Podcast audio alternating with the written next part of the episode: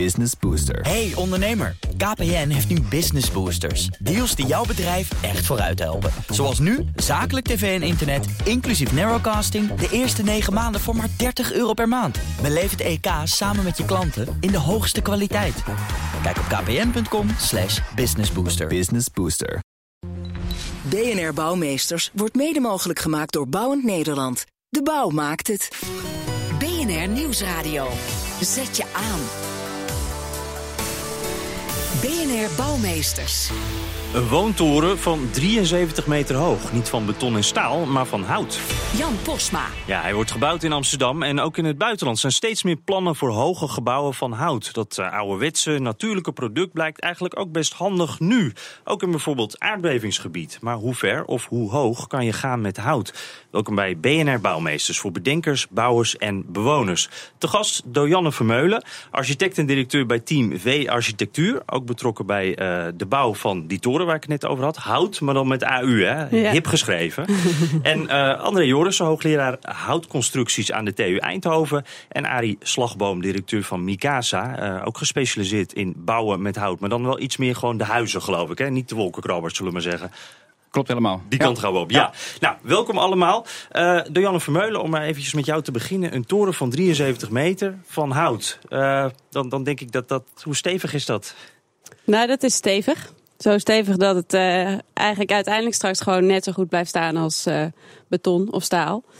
Um, maar dat is wel innovatief. Dus dat is een van de leuke dingen in zo'n traject. Dat je dan ook echt met een team, uh, waarbij ook met name de constructieve engineers heel belangrijk zijn, aan de slag gaat om iets te doen wat to tot nog toe nog niet op deze hoogte en deze schaal gedaan is. Er Ja. wordt wel aan gewerkt, op andere plekken ook. Ja, inderdaad. Want we gaan het zo nog wel wat meer over hebben hoe dat dan kan dat dat nu opkomt. En dat dat niet al veel eerder uh, zo was. Maar tegen wat soort dingen, voor soort uh, dingen lopen jullie dan aan als jullie zo'n houten toren maken? Wat zijn de uitdagingen? Nou, het, het, is vooral natuurlijk heel erg leuk. Je hebt een heel mooi warm materiaal. Um, en dat ga je straks ook voelen en zien in de woning. Um, maar wat uh, onder andere natuurlijk extra aandacht vergt, is uh, de akoestiek van woning tot woning, dus de geluidsisolatie. En raar genoeg is dat eigenlijk bij ons blijkt dat tot nu toe nog wat meer aandacht te vragen dan brand bijvoorbeeld. Want uh, dat hout is eigenlijk wel zo brandveilig dat dat uh, niet zo heel anders is dan staal of beton. Het gedraagt zich wel anders. Daar zal professor Joris er straks vast ook nog wel wat over kunnen vertellen. Um, Even op die akoestiek, hè? Want ik kan me dan voorstellen, je hebt hier in Amsterdam van die grachtenpandjes of, of in de pijp ook geloof ik allemaal heel, uh, ja, daar, daar hoor je de buren heel goed, zullen we maar zeggen. Is dat dan ook waar jullie tegenaan lopen? Nou, daar moet je wel extra maatregelen voor treffen. Een betonnen wand doet dat in zichzelf. Uh, wij maken nu dragende wanden van hout. En daar heb je wel wat extra massa voor nodig. Dus die wanden die worden bekleed uh, met bijvoorbeeld gipsplaat.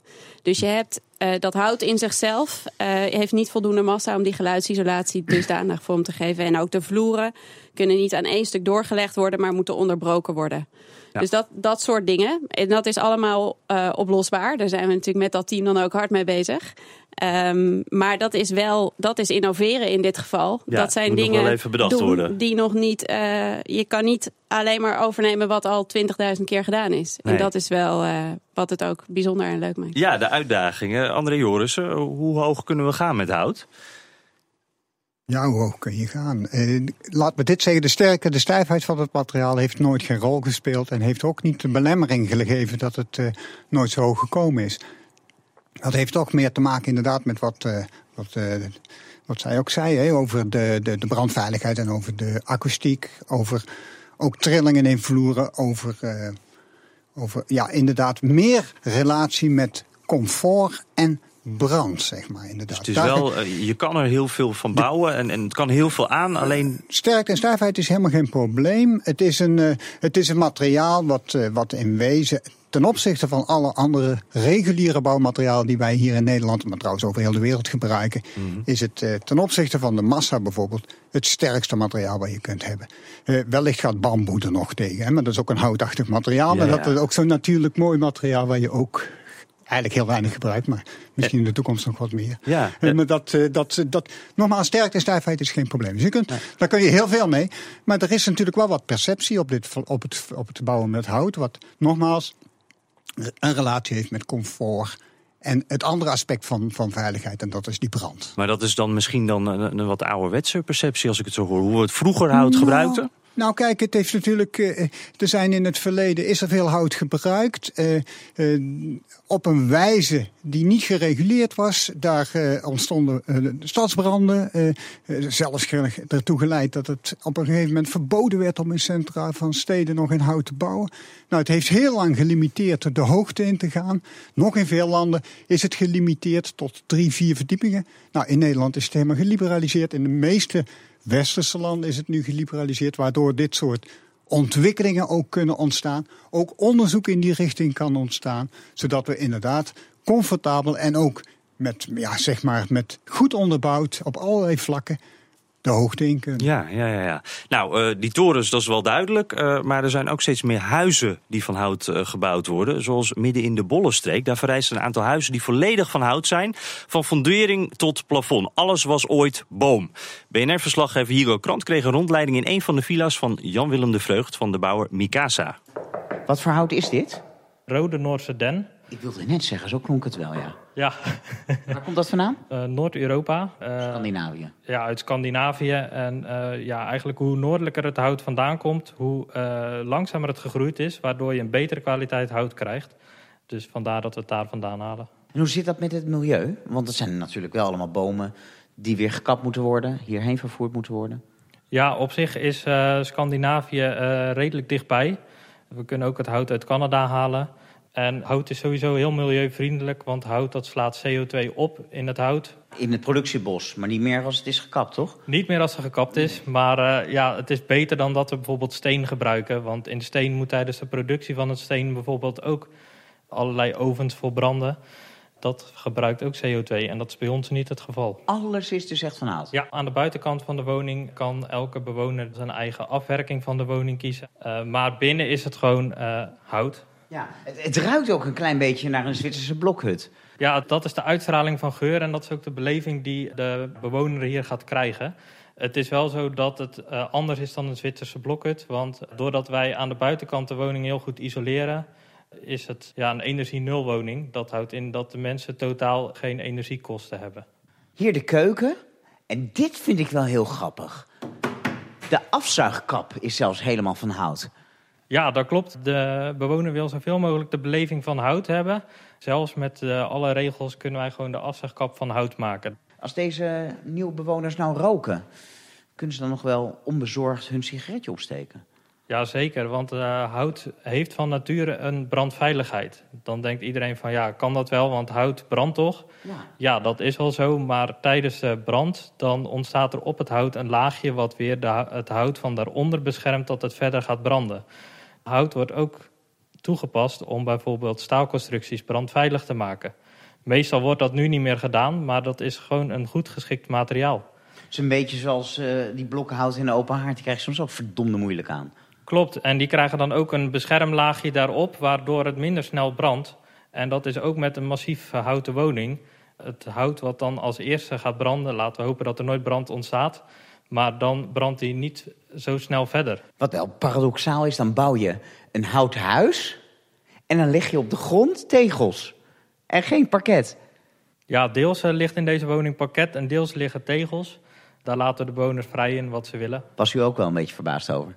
Ja, ik kan me voorstellen dat iemand ook iets anders wil dan alleen hout. Dus uh, het is mooi dat het gewoon gecombineerd kan worden. Ja, dan toch maar eh, tegeltjes, uh, gewoon ouderwets, niet van hout. Uh, je hoorde Jan-Willem de Vreugd van Mikasa en hier in de studio ook Arie Slagboom van hetzelfde bedrijf. je zag je al instemmend meeknikken en, en wat lachen bij onder andere de geur die de hout, houten wanden opleveren. Um, wat ik dan ook denk, zo'n huis in Nederland met ons klimaat, hoe lang staat dat er nou? Uh, deze huizen die wij bouwen, die gaan zeker zo lang bij als de traditionele huizen. Uh, de manier van uh, bouwen van Mikasa is dat heel de houtconstructie binnen zit. die is helemaal beschermd met een, een, damp, een dampdicht, dampremmende folie, helemaal afgetaped. Daaromheen een dik isolatiepakket. En dat zorgt ervoor dat de weersinvloeden van buitenaf niet bij het hout kunnen komen. Zie je dan nog dat het van hout is? Of? De binnenzijde. Ja, ja maar van buiten is het een, een soort ge, gewoon een muur. Uh, aan de buitenkant laten wij uh, de klanten kiezen van wat ze willen. Of de architect. Uh, of het nou metselwerk is, potdekselwerk, stukwerk, combinaties daarvan. puur de buitenschil staat in principe los van ons systeem, zeg maar. En qua kosten? Is een houten huis nou duurder of goedkoper dan een gewoon huis? Mm, nou, wij zitten ongeveer gelijk aan traditioneel. Okay. Ja, alleen je krijgt er wel veel meer, veel meer voor. Uh, gevoel vooral, heb ik net geleerd. Uh, ook handig in aardbevingsgebieden. Uh, in Groningen werk je ook bijvoorbeeld. Klopt. Wij hebben in Groningen de eerste aardbevingsbestendige woning gebouwd. Um, ja, daar waren wij met die mensen al anderhalf jaar voor in gesprek voor die woning. Um, die mensen hadden zelf last van een boerderij die echt super slecht was door de aardbevingen. Um, er kwam een regel van de NAM dat mensen geld konden krijgen voor uh, het aardbevingsbestendig maken van die woning. En toen kwamen we tot de ontdekking dat onze woningen met hele kleine aanpassingen al aardbevingsbestendig uh, waren. En dat komt dan door dat hout? Wat maakt hout nou zo geschikt voor zo'n gebied? Nou, hout is natuurlijk heel sterk. Uh, en kan wat rek en, en, en strek, trek hebben, zeg maar. Dus de verbindingen die wij maken op de hoeken zitten met zwaluwstaart in, in elkaar ge, gemaakt. Um, dus mocht daar een aardbeving komen, um, die woning is zo ontwikkeld dat die um, zo stabiel is dat, dat de hele woning beweegt. Dat hij niet als een kaarthuis kan bewegen, maar in zijn geheel. Ja, ja. En ja, goed, is de aardbeving over, dan is de woning nog steeds zoals die uh, was. Hoogleraar uh, André Joris, uh, dan klinkt het alsof we eigenlijk in, in heel Groningen aan het hout moeten. Ik, hout is, is, is vooral goed in die aardbevingsgebieden doordat het licht is. Je, je, hebt weinig massa wat je in trilling hoeft te brengen, wat in trilling gebracht wordt. En dat het hout op zich de verbindingen inhoudt, die als die zo, zo gang, zolang je daar druk in ontwikkelt, dan, uh, dan, dan is hout een uitstekend materiaal om, uh, om in aardbevingsgebieden te, te bouwen. En ik zeg ook altijd maar, als heel Groningen zou volgebouwd zou zijn met houten woningen, dan zou het niet, geen problemen hebben. Dan mm zouden de problemen haast uit de wereld zijn. Maar, maar dan wel met een specifieke techniek. Je moet het wel op de goede manier in elkaar zetten. De meeste, de meeste houtskeletbouwwoningen die op dit moment worden gerealiseerd, die zullen in de, onder het ernstigste regime wat in Groningen optreedt niet voldoen. Maar in, in het grootste gedeelte van het, uh, van, het, uh, van het Groningse gebied waar het regime, waar wel een aardbevingsregime heerst, voldoet dat ook. Voldoet ja, ja. het uit natuur, van nature al. Uh, Dojanne, nou kan ik me voorstellen, jullie hebben natuurlijk jullie toren niet op Groningen getest. Maar, maar zijn jullie daar ook cijfers van? Zou zo'n toren ook in een aardbevingsgebied dat hebben wij niet, niet, niet gecheckt. dus dat weet ik eigenlijk niet. Ik weet wel André dat. Joris, is dat, sorry, nou, de grootste, het, het hoogste gebouw wat op dit moment in aard, op aardbevingen getest is. En echt op een, op een triltafel in, in, dat in driedimensionaal uh, kan, kan trillen. Dat is zeven verdiepingen. Tot die hoogte is het op dit moment echt in de praktijk getest. Kijk, dus tot zeven verdiepingen kunnen ze in ieder geval gaan uh, daar in Groningen. Ja, houdt de comeback van hout ook stand? Daarover straks meer. Zet je aan. BNR Bouwmeesters. Er was een tijd dat elk bouwwerk van hout was, toen heel lang niet. En de laatste jaren lijkt het ineens weer hip. Hierover praat ik verder met mijn gasten. Dojanne Vermeulen, architect en directeur bij Team V Architectuur. Ook betrokken bij de bouw van de toren Hout. En dat schrijven we met AU. Uh, André Joris, hoogleraar houtconstructies aan de TU Eindhoven. En Arie Slagboom, directeur van Mikasa, gespecialiseerd in uh, ja, houten huizen eigenlijk. Uh, André Jorissen, als we eventjes kijken naar wat meer de context van het bouwen in hout. Hè.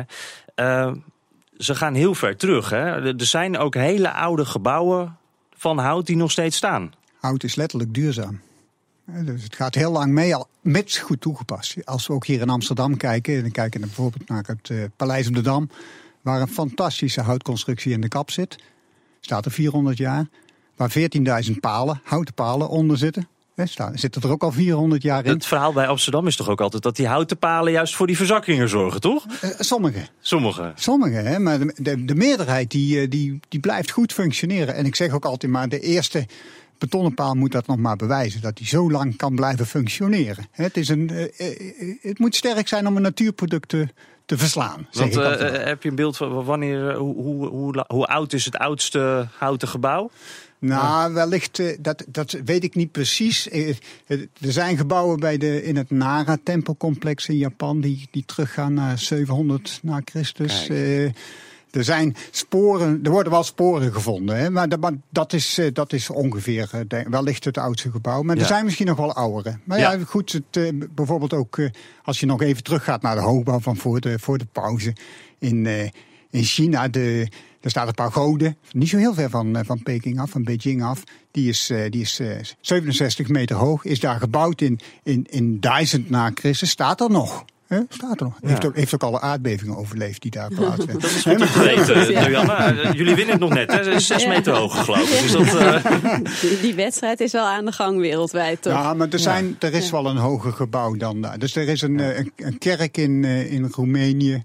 Die is nog wel wat hoger dan. Ja. Eh, En, en volledig in hout. Eh, En Dojanne, we zien ook internationaal inderdaad meer eh, woontorens ook. Eh, in Scandinavië geloof ik ook Ja. richting de 100 meter gaan we. Wat, eh, waar ligt de grens op dit moment? Hoe hoog gaan we? Volgens mij is het hoogste houtgebouw nu 14 verdiepingen, Noorwegen. Eh, als je het hebt over de, de moderne woongebouwen, zeg maar even. Ehm, En wij willen hier in Amsterdam dus nog een stukje hoger. Ja. Ehm, Ik denk dat het uiteindelijk nog hoger kan. Dat is ook wat je hoopt, eerlijk gezegd. Dus je hoopt eigenlijk dat je die wedstrijd niet wint. Maar dat eh, die ontwikkeling juist op gang komt. En dat we ehm, allemaal eh, van elkaar gaan leren. En dat door het meer te doen het ook, ook nog weer betaalbaarder wordt. Want op Ja. dit moment is het bouwen van die hoogbouwinhoud wel wat duurder nog dan het eh, traditionele bouwen. Ja, Ja. Dat, li- dat ligt wel, wellicht ook aan de logistiek. Ik denk het Eh, ook. En ook aan hoeveel het gebruikt wordt en hoeveel aannemers het zouden kunnen en de marktwerking. En da- dat is ook wat ik bedoel. Als je, hoe, hoe meer dat gaat komen, hoe, Ja, hoe dan- meer stan- standaard het ook wordt. Op dit moment is ook het uitwerken natuurlijk gewoon net wat ingewikkelder, omdat je nog wat dingen moet uitvinden met elkaar. Ja, wa- want wat is voor jullie nou de reden dan geweest om toch voor hout te kiezen? Nou, wij, vonden het ehm, eh, heel belangrijk. Het, het gebouw komt in het Amstelkwartier. Dat is een, eh, een deel van Amsterdam waar duurzaamheid hoog in het vaandel staat. En eh, nou kun je je in duurzaamheid focussen op de, de certificaten en de scores die in de bouw bestaan. Onder andere een BRIEM. Ehm, maar het is natuurlijk wel heel erg leuk om juist iets te doen wat ook daar nog niet zo heel erg van in wordt toegepast. En echt iets nieuws te doen. En in dit geval kweken we dus eigenlijk in tien jaar het hoofdmateriaal van het gebouw. En dat is tijdens, de, tijdens die productie van dat bos heb je een bos en eh, wordt die CO2 opgeslagen. Die CO2 blijft overigens opgeslagen. Zolang dat hout niet gaat rotten of verbrand wordt, blijft de CO2 opgeslagen in het gebouw. Zolang het er staat, zit het daar. En je creëert eigenlijk meer zuurstof. Dus hoe meer er in hout gebouwd wordt, hoe meer bos er zou eh, gaan komen. En waar staat dit bos? Waar Ja, dit bos is? Europees naaldhout. Waar het vandaan komt, dat is nog niet duidelijk. Want dat gaat de aannemer straks bepalen. Eh, maar dat zou, zou heel goed uit Scandinavië of Duitsland vooral ook eh, kunnen komen. Of Zwitserland, Oostenrijk. Ja, uh, Arie Slagboom, bij Mikasa hoorden we net, eh, in ieder geval bij die huizen die we net in de reportage hoorden, da- daar komen de bomen vooral uit Noord-Europa. Klopt. Staan Ja. daar nou de beste bomen? Eh, ja, wat wij tot nu toe hebben kunnen, kunnen constateren, eh, wel. Kijk, het gaat natuurlijk om de eh, verwerking van de Mikasa-wanden. Wij maken onze wanden uit drie delen.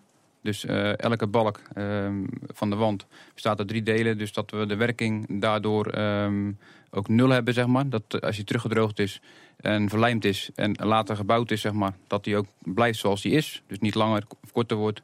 Het huis ook niet hoger of lager. Het blijft gewoon eh, gelijk. En eh, daar hebben wij nu de beste ervaringen mee. Ja. Hm, dus, en eh, we hoorden ook het, het ge- logistiek is iets wat ook meespeelt. Eh, dit is dan ook het dichtstbijzijnde kwalitatief goede hout. Canada is wat te duur. Klopt. Ja, dan moet het over zee. En dan gaat het toch wat, eh, ja, wat meer eh, sowieso geld kosten. En ook meer eh, ja, CO2. eh. Wat ik wel mooi vond uit eh, eh, onze research en ook de gesprekken die wij hebben gevoerd, is dat de, de CLT, de Cross-Laminated Timber Panels, die wij gaan gebruiken voor zo'n hoogbouw, die worden eigenlijk gemaakt van niet het meest hoogwaardige deel van de stam, maar eigenlijk dat deel wat daar net omheen zit.